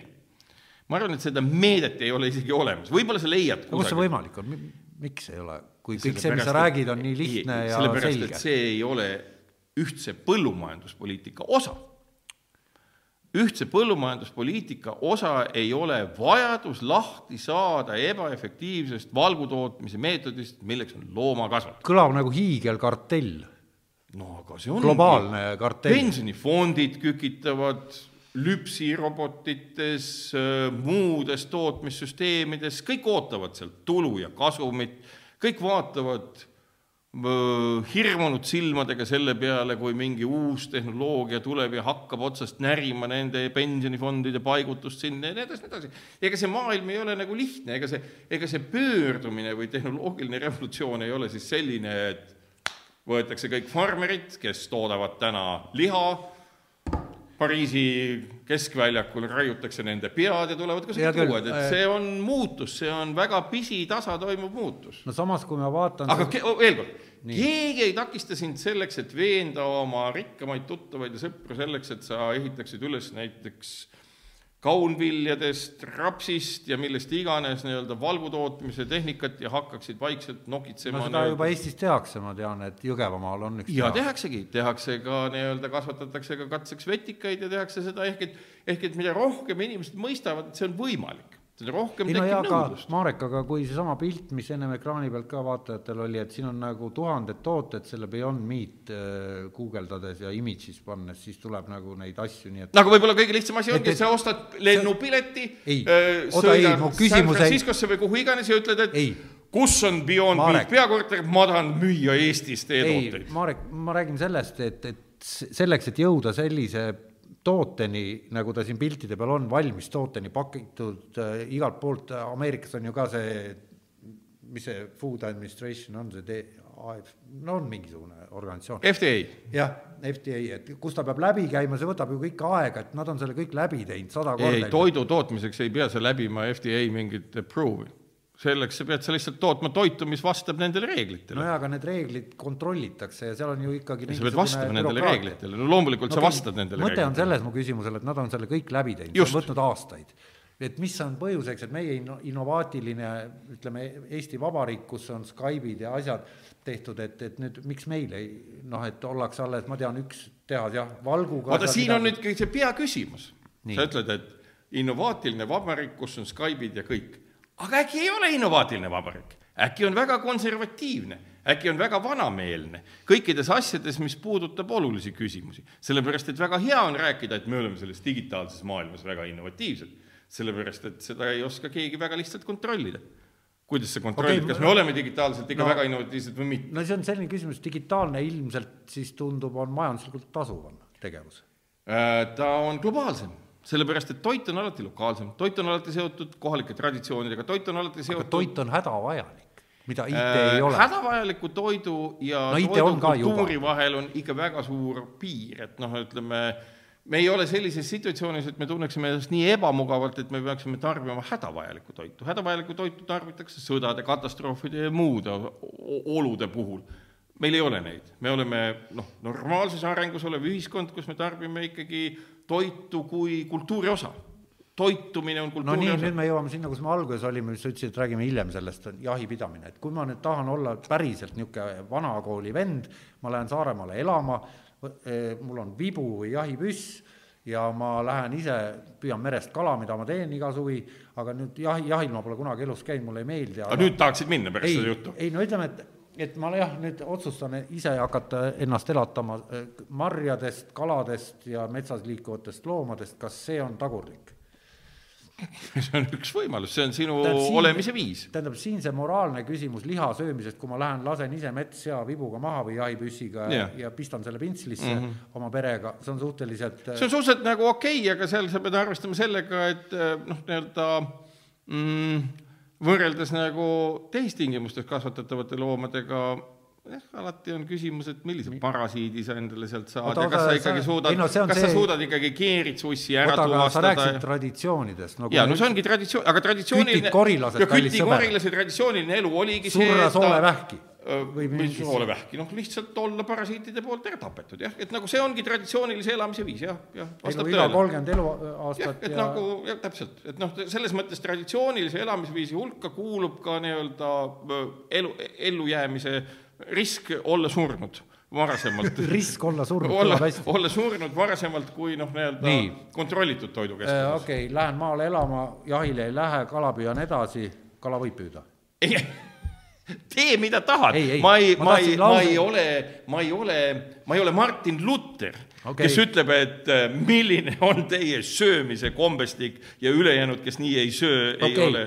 Ma tahtsin jõuda sinna, et äh, kõik muu jääb samaks, aga nüüd liha teen äh, oma seal hektari peal noh, nendest peetidest vaata, küsimus ongi selles, et kui sa tahad maal elada ja kasutada ja kasvatada tõepoolest nii-öelda kogu seda ja olla nii-öelda toiduinnovaator tootmise mõttes, siis sa pead olema ennekõike ka energiainnovaator. ehk et, ehk kui ma ei ole, ma olen nagu see, kes ma olen, aga mul on Saaremaal on majapidamine, mul on seal maad, mul on seal noh, no aga ela, kuidas tahad seal. nii, ei, ma tahan äh, jõuda sinna, sa tahad äri ajada ma tahaks, et see eh, kunstliha, mis väidetavalt on täpselt sama maitse, lõhna ja kõikide muude omadustega kui päris liha, et, et ma saaks seda ise seal omale teha. ei no aga siis söö lihtsalt ube, miks sa nüüd liha tegema, et mulle noh, ütleme, maitseb, maitseb liha. aa, siis sa pead õppima seda tegema Vot ja ja- vaata, siis ongi nagu selles, et kuna see on tehnoloogiliselt hetkel mahukas, see ei ole päris niimoodi, et noh, sul on nagu nurgas mingisugune nagu kohviautomaat. no sa ütlesid, et reaktorit on ja, vaja. ja aga selle reaktori ülalpidamine ja muu asi eeldab, et sa ka müüd seda. no okei okay,, eeldame, et ma eeldab, et tahan ka müüd seda müüa, seda no väga hea. nii, kuidas Siis-, kuidas ma nüüd äh, siis äh, ma Selle olen jälle ehitad. ringiga oleme jälle seal äh, kuskil tagasi, et et, et, et noh, kuidas ma see, kuidas ma füüsiliselt reaalselt selle teooria nüüd ellu rakendan tänapäeva Eestis aastal kaks tuhat üheksateist. Äh, kui sa ise ei oska ehitada, siis sa tellid inseneridelt ja tehnoloogidelt selle lahenduse, nad aitavad sul ehitada selle masina, sa paned selle masina käima, hea on veel, kui sa ehitad endale veel sinna juurde näiteks päikesejõujaama ja kasutad taastuvelektrit selle jaoks, lood endale sellise Sõltumatu. innovaatilise farmi, räägid sellest, mismoodi sa seda toitu teed, tõenäoliselt sa saad selle toidu tegemisega hakkama summa summarum, kui su maht on piisavalt suur, odavamalt kui need, kes peavad põrsaid nuumama või, või veiseid ja neid tapma ja. Oota. siis on sul olemas lugu, sellest, mida sa teed, selle loo juurde on sul olemas, kui sa oled hea gastronoom, väga hästi maitsestatud lihalaadne toode, mis on apetiitne ja ahvatlev, mida sa sööd ise, söövad su sõbrad ja süüakse mujalgi maailmas ja mingil hetkel sa mõtled, et pagan, et see kõik võiks olla tuhat korda suurem kui see, mis mul siin olemas on. nii, Marek, see, mis sa praegu rääkisid, on nii apetiitne, et miks ma ei näe hetkel käimasoleva valimiskampaaniate raames ühtegi lubadust selles suunas mitte kelleltki. igale, igale eestlasele peedireaktor ei ei, ega, miks sa minu käest seda küsid? Sellepärast, et... sa oled täiesti vale inimene, kelle käest tuled küsima, et miks valimiskampaanias seda ei, ei ole. sa just tegid selgeks, et see on, et seda on võimalik teha, et see on odavam, see lõpptulemusena ja maitse ja kõik muu on sama ja et farmi pidamine on kallim ja tülikam just. ja nii edasi. noh, siis loogika minul ütleb seda. aga valimiskampaania puhul on ju ka lihtsam. keegi peaks lubada... hakkama seda subsideerima. no, no jaa, aga valimiskampaania puhul on ju lihtsam öelda, et homme on parem protsent on okay. väiksem, et noh, selles ja, mõttes ära, see, see on nagu päris keeruline, et hakata nagu kõnelema no,, kõnelema sellist noh, kuidas ma ütlen, nagu kümnekäigulist nii-öelda no, võtet ta..., kuidas äh, malepartii võita. no aga sama jutt ju käib meil äh, taastuvenergia kohta, käib äh, juba ammu, käib meil muude, muude.... jaa, aga ma taastuvenergia puhul just ütlesin, et taastuvenergia küsimus on tegelikult ära lahendatud asjaolu tõttu, et teatud aastast ütlevad autotootjad, et me ei anna teile ühtegi muud autot peale elektriauto. ja kui autotootja ei anna mitte ühtegi muud autot peale elektriauto, siis juhul, kui me laeme elektriautot jätkuvalt edasi põlevkivi vooluga, fossiilse vooluga, siis iga selle džauli või kilovatt-tunni tootmiseks, kuna soojusmasinad ei ole väga efektiivsed, kulub nii palju põlevkivi, et kui me võtame ka kõige väiksema elektriauto ja vaatame, mitu kilovatt-tundi elektrit kulutab ta ühe kilomeetri läbimiseks, saame me aru, et ühe kilomeetri läbimiseks, kui seda autot on toidetud põlevkivivooluga, emiteeritakse pool kilo või veel rohkem süsihappegaasi. noh, mis tähendab seda, et põhimõtteliselt uues maailmas, mille olemuse defineerivad autotööstused, ei ole võimalik selleks, et minimaalseltki täita neid samu rahvusvaheliste lepingutega võetud lubadusi, mis on antud süsihappegaasi osas, seda ei ole võimalik täita, kui me toidame neid autosid fossiilse kütusega, mille tõttu hakataksegi tootma massiliselt taastuvenergiat. aga mis on sinu ennustus seoses põlevkivijaamadega nüüd? Need hääbuvad. Need hääbuvad see jutt käib juba viisteist aastat. Neid oleks võimalik olnud hääbutada sihipäraselt juba kakskümmend aastat tagasi, kümme aastat tagasi ja valida teine tehnoloogiline suund. nüüd nad hääbuvad selle tõttu, et muid võimalusi ei ole. põlevkivi küljes oota, aga meil on mingi kaks kaablit juba Skandinaaviaga, mingi börsi... meil on kaks kaablit Skandinaaviaga, Eesti Energia no. ostis ära taastuvenergia ettevõtte, Eesti suurima, ja nii edasi, nii edasi. see kõik muutub selle tõttu, et nõudlus kaob ära. nõudlus kaob ära selle tõttu, et toimub tehnoloogiline muutus, konversioon, evolutsioon, revolutsioon, nimetage kuidas tahes. toidu tootmisega on täpselt sama lugu, sõltumata sellest, mida Eesti põllutöötaja ja toidutootja arvab, millised on traditsioonid, on globaalsed muutused. Sellised, mis lõpuks panevad ka Rakvere lihakombinaadi oast ketrama lihakiud.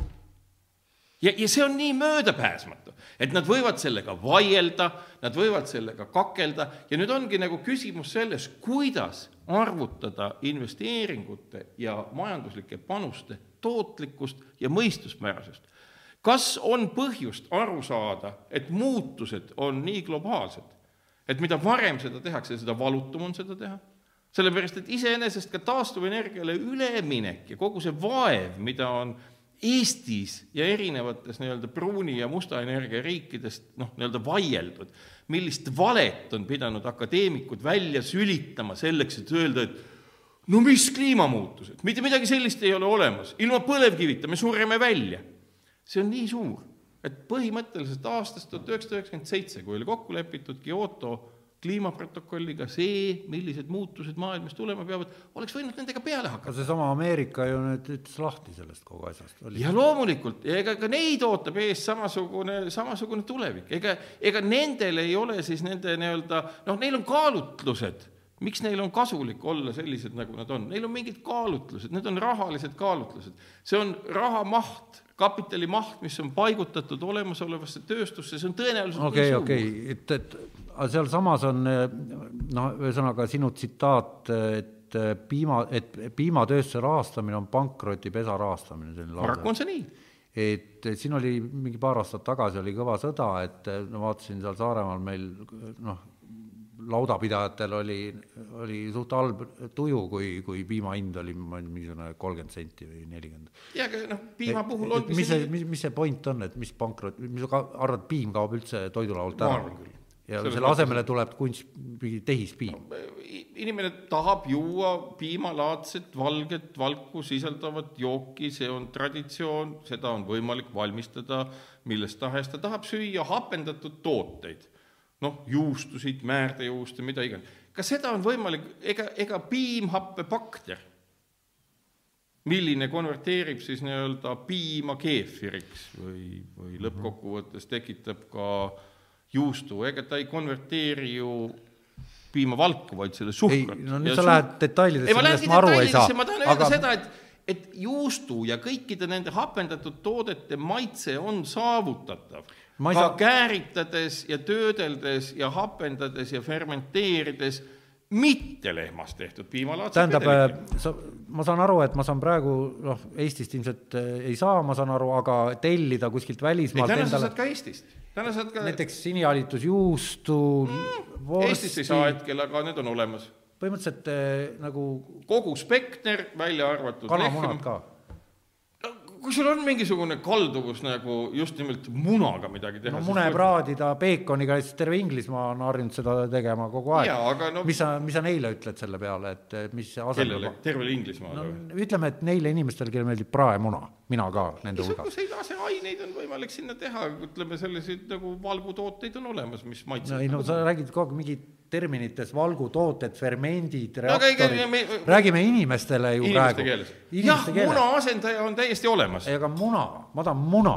et, et ma tahan sellist, seepärast, et mulle meeldib see, kui ma võtan, koksin teda, võtan koore ära. see on väga kallis lõbu, kolme ja poole minuti olema. muna, mis on niisugune kollane on vedel, valge on kõva ja ma panen sinna võid. kas sa sured ära, kui sul seda asja ei ole? ei, aga kui ma ütlen, et ma tahan seda iga hommik, siis kas see on tulevikus võimalik? Äh, ma arvan, et see on tulevikus lihtsalt väga kallis lihtsalt ongi väga kallis, selles mõttes, et, et, et ma tahan öelda, et ega loomne toit, ega loomne toit või ega, ega siis ka kanamunad nagu tõenäoliselt ei, ei kao ära Nad muutuvad väga harvaks toiduaineks, nad muutuvad toidulisandiks. oota, aga sa pead siis kanad ära keelama, kui ma võtan omale Saaremaale tuhat kana, sa ei saa ju ometi öelda, et ma ei tohi seda teha. et sa võtad Saaremaale tuhat kana? kui need munad hakkavad hästi palju maksma, siis see on ju mõistlik tegevus no võimalik, sa lihtsalt ei müü neid tulevikus nii palju, kui sa neid täna müüakse.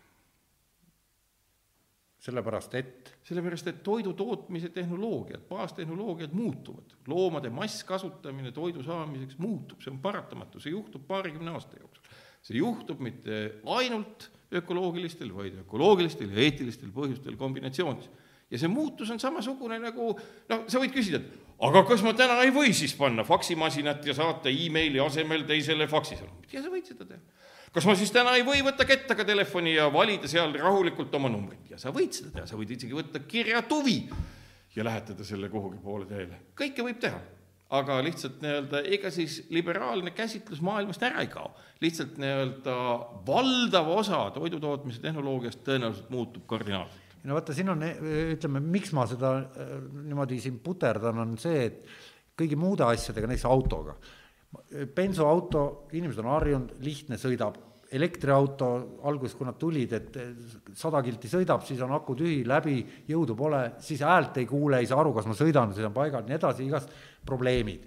nüüd, et nii-öelda noh, miks on parem kasutada traditsioonilist autot kui mingit moodsat, noh hin-, hinnast rääkimata. nüüd, kui me jõuame toidu juurde, siis justkui kõik see negatiivne kaob ära ja asemele tuleb ainult positiivne ja siin ma näen, loogika ütleb, et peaks juba kõik see käes olema.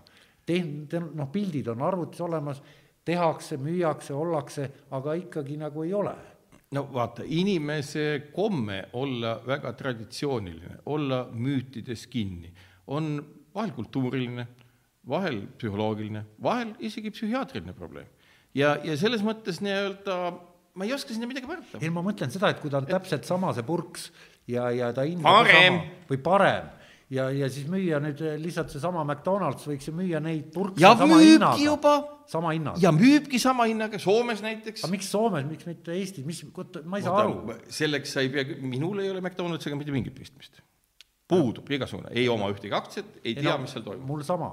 no vot, selles mõttes nagu küsida, miks McDonalds seda, teist või kolmandat asja ei tee, ju on kaalutlusi ju on erinevaid kaalutlusi. ma väidan seda, et asjaolu, et traditsioonilisse tootmisse on panustatud tohutult kõikvõimalike fondide rahasid, kus inimesed ootavad oma pensioniaegset tulu just nimelt sealt, seda ei maksa alahinnata. nii et see on niisugune pika vinnaga, sest sina no ütleme, jah, ta on selles mõttes pika vinnaga, et ega ma täna räägin sellest, sellest on räägitud tegelikult kümneid aastaid, sellesse on panustatud kümneid aastaid, noh, ütleme selline loomade õiguste eest seismine on toimunud tegelikult sadu aastaid. Ega seesama brittide munasööv nii-öelda rahvas, mida sa ütlesid, et nende parlament on olnud ehk üks esimesi, kus loomade heaolu ja õigused on olnud ammu ennem, kui siin mujal Euroopas selle peale ja, aga kogu hakatakse. see lärm on käinud just selle ümber, et karusnahafarmid ja tapetakse loomi ja teha kasukaid ja siis lobitakse tomatitega ooperimajade ees inimesi, kellel on kasukad ja see on olnud ikkagi niisugune see on, see on nagu möödanik. mingi, mingi, mingite noorte, ütleme, tulihingeliste revolutsionääride võitlus nagu. nagu, nagu oli võitlus orja ja orjade pidamise vastu ja, ja, ja nagu, nagu need muutused on, aga need on eetiliselt mõistetavad et need inimesed, kes on seda teinud, nad on kandnud seda eetikat, mida täna toetab ka tehnoloogia. ja selles mõttes see muutus ei ole vale, see muutus on väga õige. ei, ma olen nõus sinuga. mind lihtsalt painab see, et, et, et kui muude asjade puhul on need põhjendused, miks, on nagu olemas olnud elektriautode puhul, et miks nad on, miks, miks minul ei ole elektriauto. no mis see põhjendus on olnud? põhjendus on see, üks on kallis, punkt kaks, et ta ei, tal ei ole sama, sama häid jaa, ma tahangi öelda seda, et ega me täna ei saa ka öelda, et kui sa võtad nagu ainult nii-öelda kuskilt juhuslikult tekitatud nii-öelda taimse lihaasendajate spektrit, see on nagu alati väga hea. tänasel hetkel me oleme üllatuslikult väga heas seisus. meil on olemas, meil on olemas arusaam sellest, mismoodi meie genoom tekitab meie füsioloogias teatud erinevusi. meil on olemas täna arusaam sellest, kuidas genoomist tulenevalt on meie näiteks ravimite talumine ja mõju totaalselt erinev. ja me saame aru, et tegelikult meie personaalne meditsiin peaks tähendama ka seda, et noh, me teame ette, millist ravimit on põhjust kasutada, millist mitte ja nii edasi, kogused, kõik muu selline ega inimene on toidu suhtes ju samasugune. kas toit ei liigu, praegu kuulan su ravimijuttu, et hakkas mõte selles suunas tööle. toit näiteks... liigub samas kanalis ei, organismis, kus ravim ei, ma vaatan neid pilte arvutist, neid purkse ja värke, mida seesama Beyond Meat toodab, et, et kui on niisugune pakk, et näiteks, et, et, et siin on need kotletid ja paki peal on kirjutatud, et aitab kopsupõletiku vastu näiteks see on, see on, see on, ravimid... see on spetsiaalselt ortorektilistele inimestele selline, ravi, ravimid... selline teraapiline abi. et kopsupõletiku vorst, ei, ei, ei. sa rääkisid ravimitest. ei, ma rääkisin ravimitest ja ma rääkisin sellest, et ravimite puhul on inimestel genoomist tulenevalt erinev talumisvõime, erinev omastamisvõime, erinev mõju. ja nüüd ma tahtsin jõuda sinnamaani, et me saame ette kujutada ka seda, et teades genoomi, teades genoomi seost noh, erinevate seedeprotsesside ja millega iganes, me saame tekitada ka inimese noh, spetsiifilist toitu, sellepärast et tõepoolest on nii, ühed inimesed saavad midagi süüa, mida teised ei saa süüa. ühel tekitab üks toit mingit allergilist reaktsiooni, mida teisel ei teki üldse.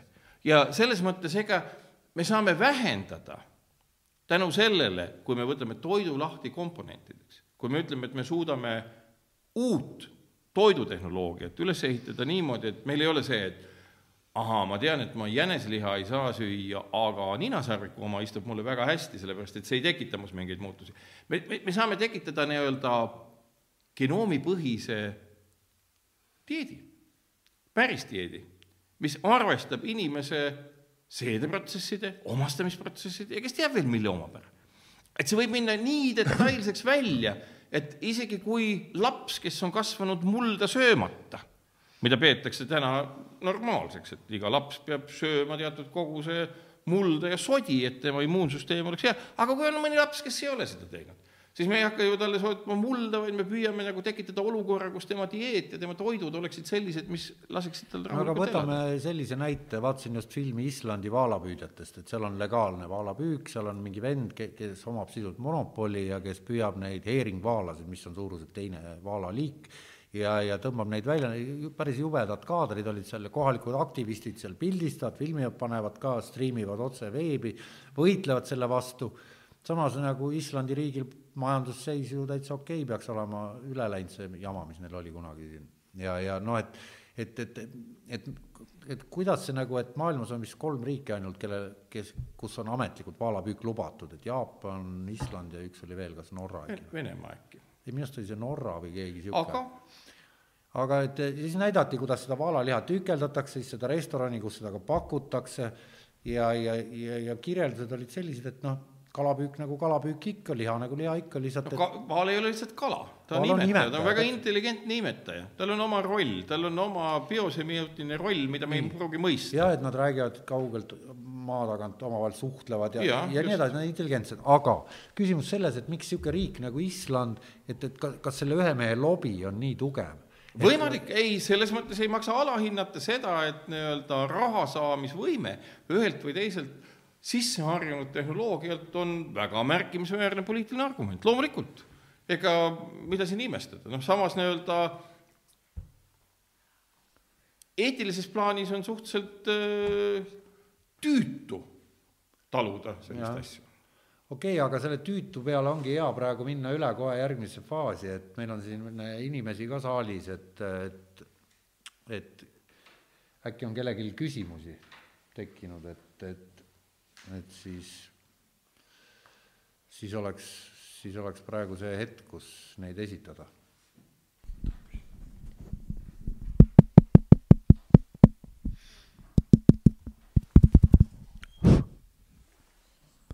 nii, on kuulda? ja et see läheb otse pulti. ahah, okei okay.. et sa rääkisid eh, meile hästi lahti, kuidas eh, näiteks Euroopa Komisjon mõjutab autotootjaid.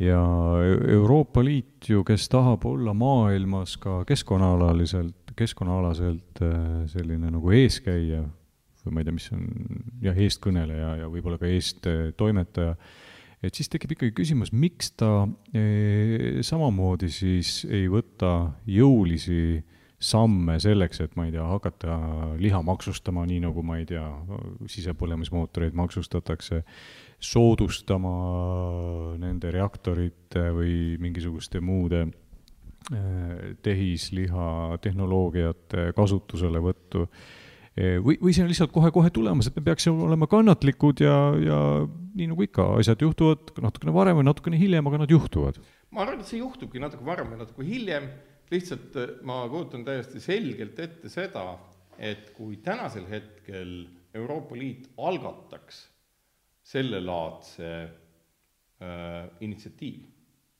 siis äh, noh, nii-öelda toidukasvatajad on juba selle tõttu, et äh, suurte ja väikeste põllumajandustootjate toetused on olnud erinevad.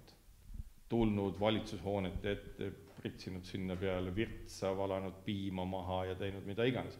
ehk et see ettekujutus, milline võib olla noh, sellise traditsioonilise maailmamudeliga põllumajandusettevõtja viha ja trots ja protest, see hoiab kõiki sellest eemale. ja, ja selles mõttes nagu see ongi, et noh, õnnetul moel Euroopa Liit, mis kogu aeg ütleb, et me soovime konkureerida ja olla edumeelsed võrreldes Ameerika Ühendriikidega, tänasel hetkel jälle seda ei ole toidutootmise kontekstis, sellepärast et Ameerika Ühendriikides noh, liberaalselt üles ehitatud põllumajandusstruktuuris, kus nii-öelda otsetoetusi kui selliseid ei ole, see uus tehnoloogia tuleb korrutades iga-aastaselt kahega, kahe poolega neid toidumahtusid, tehispiima või liha toidumahtusid, ja, lõpuks noh, on Euroopa Liit olukorras, kus me ütleme, ah, me peaks ka midagi samasugust tegema. ja kus see muutub nagu paratamatuks, sellepärast et see äh, ankur, mille külge on põllumajandustootmise profiil ankurdatud, ei olegi mitte midagi muud kui ühtne põllumajanduspoliitika, subsiidiumid ja kogu muu selline. Mm. aga ikkagi ma lähen siit täna küll ära sellise, väga tänan selle väga informatiivse äh, vestluse eest, aga ma lähen siit rahuliku südamega ära, et noh, ma võtsin endale kaasa sellise asja, et USA-s, eks ole, kus subsiidiume on vähem või ei ole neid üldse, on tehisliha tootmine lihtsalt tasuv varem või hiljem see tuleb Euroopasse, kui ta on tasuv seal, siis ta on tasuv siin ja edasine on juba selline PR, eks ole, et sa lihtsalt hakkad ütlema, et ärme tapa loomi, vaid toodame seda siin, hind on sama, maitse on parem, saad selle avatüki, saad selle, kõik oma tükid saad, eks ole.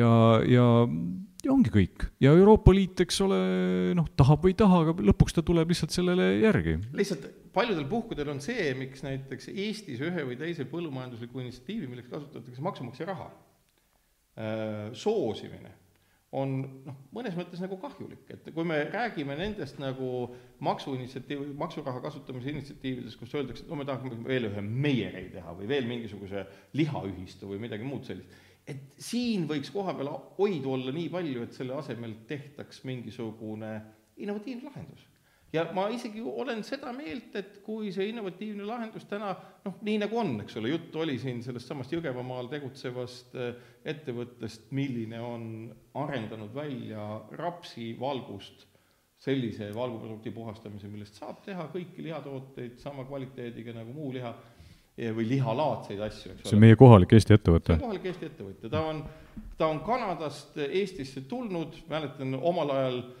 kui ise rajasime sinna Jõgevamaale sellesama nagu rapsitööstuse, mille õli siiamaani kasutatakse, siis esimesed märgid sellest, et seal saaks valku toota, olid juba kakskümmend aastat tagasi olemas. ja nüüd on kakskümmend aastat seda tehnoloogiat sihipäraselt arendatud ja nüüd nad on nagu tootmisvalmid. ehk et, ehk et aeg annab arutust, kõik need, kes on olnud innovatiivselt oma teemade juures, on nüüd olukorras, kus neid tõenäoliselt määratakse eduga ja neid saadabki edu ja selles mõttes ega siin ei ole mingit paanikat, see muutus toimub tõesti, nagu sa ütled, niikuinii. ja nüüd on lihtsalt nagu see küsimus, et kas, kas meie oleme või kas siin tahetakse olla selle muutuse eesrinnas ja kaasaaitajad või lihtsalt tõdeda, et ahah, nüüd on nii läinud, nojah, nüüd me ostame siis selliseid asju. mõlemad variandid on võimalikud ja, ja putukad tulevad ka mängu ja lõpuks võib-olla ongi, et ma ei tea, paari, paarikümne aasta pärast. putukad on keerukad, putukad on keerukad, ma olen ise olnud ka väga pikka aega seda meelt, et et, et putukate valk võib olla hea. ja siis nagu seda teemat lähemalt vaadates, sellel on väga suur sarnasus, see on hea siin ära märkida, väga suur sarnasus sellega, miks meil on loomadega nii palju ühiseid haigusi sigadega, lindudega, veistega. selle tõttu, et me oleme nii lähestikku koos elanud, meie, meie, meie organismid, meie eluprotsessid on nii palju kokku puutunud, meil on seagripp, linnugripp, hullulehmatõbi, kõik, mis meid võivad mõjutada. putukatega on kahjuks sama lugu, et meile, mulle on ka tundunud, et meil ei ole putukatega ühiseid haigusi. nüüd, kui täpsemalt vaatama hakata, siis väga paljud parasiidid, millised elavad putukatel, on suutelised elama ka inimestel ehk et kui me muudame nii-öelda endale lähedase ülesehitusega organismid masskasvatavaks me enda lähedal, siis meil on oht see, et me võime saada uue komplekti haigusi, nii nagu me oleme saanud loomakasvatusest. aga ma ei tea seda täpselt, aga see risk on olemas. no tulevik on minu arust päikeseline, et aitäh. aga veel küsimus? tere, ma olen Enn teatavasti looduses on nii, et äh, ühe toit on tee, tee ühe jääk on teise toit.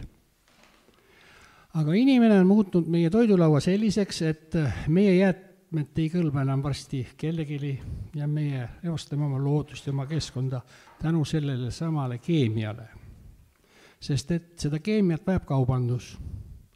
et me saaksime oma toitu transportida üle piiride, üle maailma jaguda, eks ole, ja et ta säiliks. kõige tervislikum toit minu arvates on see, mida saab kohe süüa. ja see on ka minu arust kõige vähem tervisele kahjulikum. aga see maailmamudel, mille järgi me tänapäeval elame. see on see kaubanduslik mudel. sest tänapäeval me võime minna ükskõik mis poodi, me ei leia mitte ühtegi absoluutselt toitainet, mis ei ole kasvatatud tänu keemiale. ja see on sellepärast, et äh, kaubandus ei võta sellist kaubandust äh, töö, sinna poodi, mida ta ei suuda kaua müüa.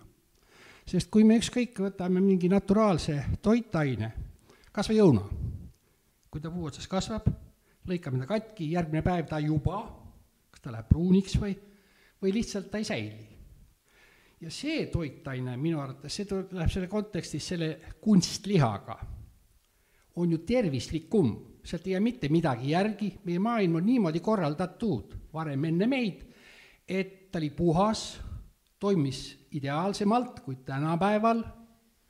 Ja kas ei ole ikkagi inimtegevus ka selles mingit osa ei mängi, et me viskame ju väga palju toitu ära, ega siis inimkond oleks toidetud palju paremini.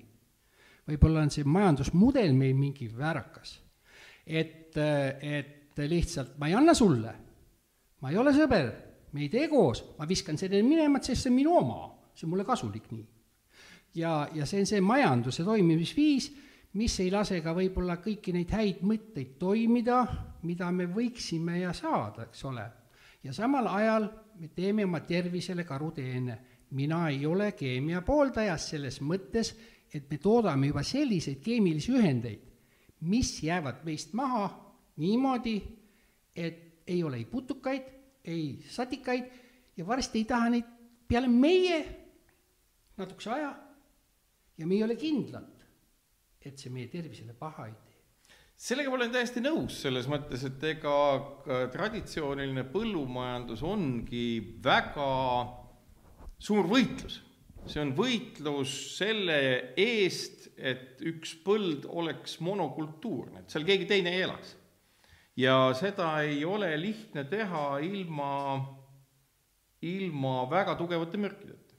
nüüd, kui me liigume sellesse minu kirjeldatud lahendusse, kus me tuleme üldse nagu ära äh, noh, nii-öelda põldudelt linnadesse, tehiskeskkonda, reaktorisse toitu kasvatama, siis oleme ausad, selle tootmise kemikaali vajadus, loodus, võõraste kemikaalide vajadus on minimaalne.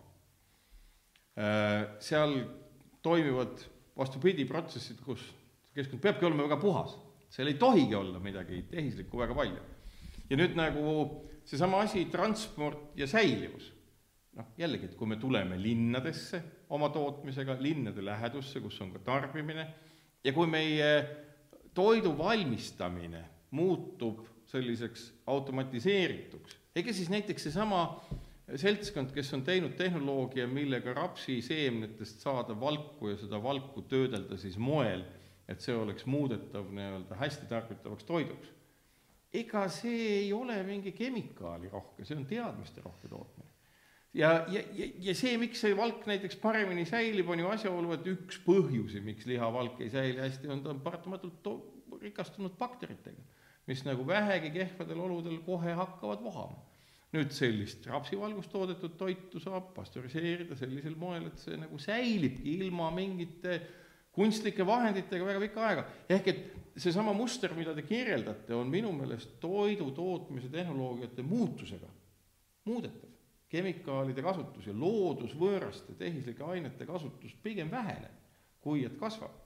me muudame toidu tootmise lokaalselt võimalikuks selle tõttu, et me ehitame väga häid soojaisolatsiooni materjale, millest me valmistame kasvuhooned, me oskame teha LED-valgusteid, millega me suudame imiteerida väga erinevat päikesevalgust, me suudame tehniliselt kontrollida kasvutingimusi, aga me ei pea sinna lisama mingeid keerukaid kemikaale, sellepärast et meie tootmine on lokaalne ja see on just nimelt selle toidutootmisrevolutsiooni muutus, võlu, et inimene tuleb ära looduskeskkonnast, ta laseb looduskeskkonnal toimida, me kaalume kuuskümmend, seitsekümmend miljonit tonni on neid imetajaid, kes elavad looduses, vabas looduses täna. meie kaalume viissada miljonit tonni, meie loomad, keda me kasvatame ja tapume, kaalume üheksasada miljonit tonni kogu see mass kokku mõjutab ökosüsteemi nii palju, et meil on arukas sealt ära tulla. ei ole olemas tuleviku mõttes mahepõldu ja tavalist põldu. juba mahepõld iseenesest on loodusse tekitatud nii suur ökoloogiline muutus, et parem, kui neid ei oleks. parem, kui põllupidamist vabas looduses ei oleks. ja, ja, ja meie enda elu ja tervis paraneb selle läbi aga kas seda ei ole korra juba kuskil Amazonase metsades proovitud, tehti mingid kupli all mingid äh, sellised katsetused, aga see see lõpuks oli Arizonas ja see oli üks katsetus, mille nimi oli Biosfäär kaks ja see kukkus läbi ja selle Miks, läbikukkumise põhjused on hoopis muud. et seal sooviti, et ka inimesed elaksid selles keskkonnas, aga me no. räägime ainult toidu kasvatamisest. nojah, suured ambitsioonid, aga skeptiliselt võib mõelda. Eks me näe. eks me näe, jah. jõudu. ja ongi tänane saade lõppenud, kui rohkem küsi-, küsimusi ei ole. oli sul midagi äkki jäi hinge peale? mul jäi väga palju hinge peale, räägi, aga ma ei räägi seda puhku, ma räägin kunagi tulevikus, järgmine kord. järgmine kord. hea küll, siis head vaatajad, tänaseks intrigeeri pärastlõuna läbi. Eks nädala pärast paistab, kes meile külla tuleb ja millest juttu tuleb, aga aitäh kuulamast-vaatamast ja jälgige meid ikka Youtube'i kanalil ja hiljem Spotify'st ja Apple'i podcast'i äpis saab ka vaadata. aitäh!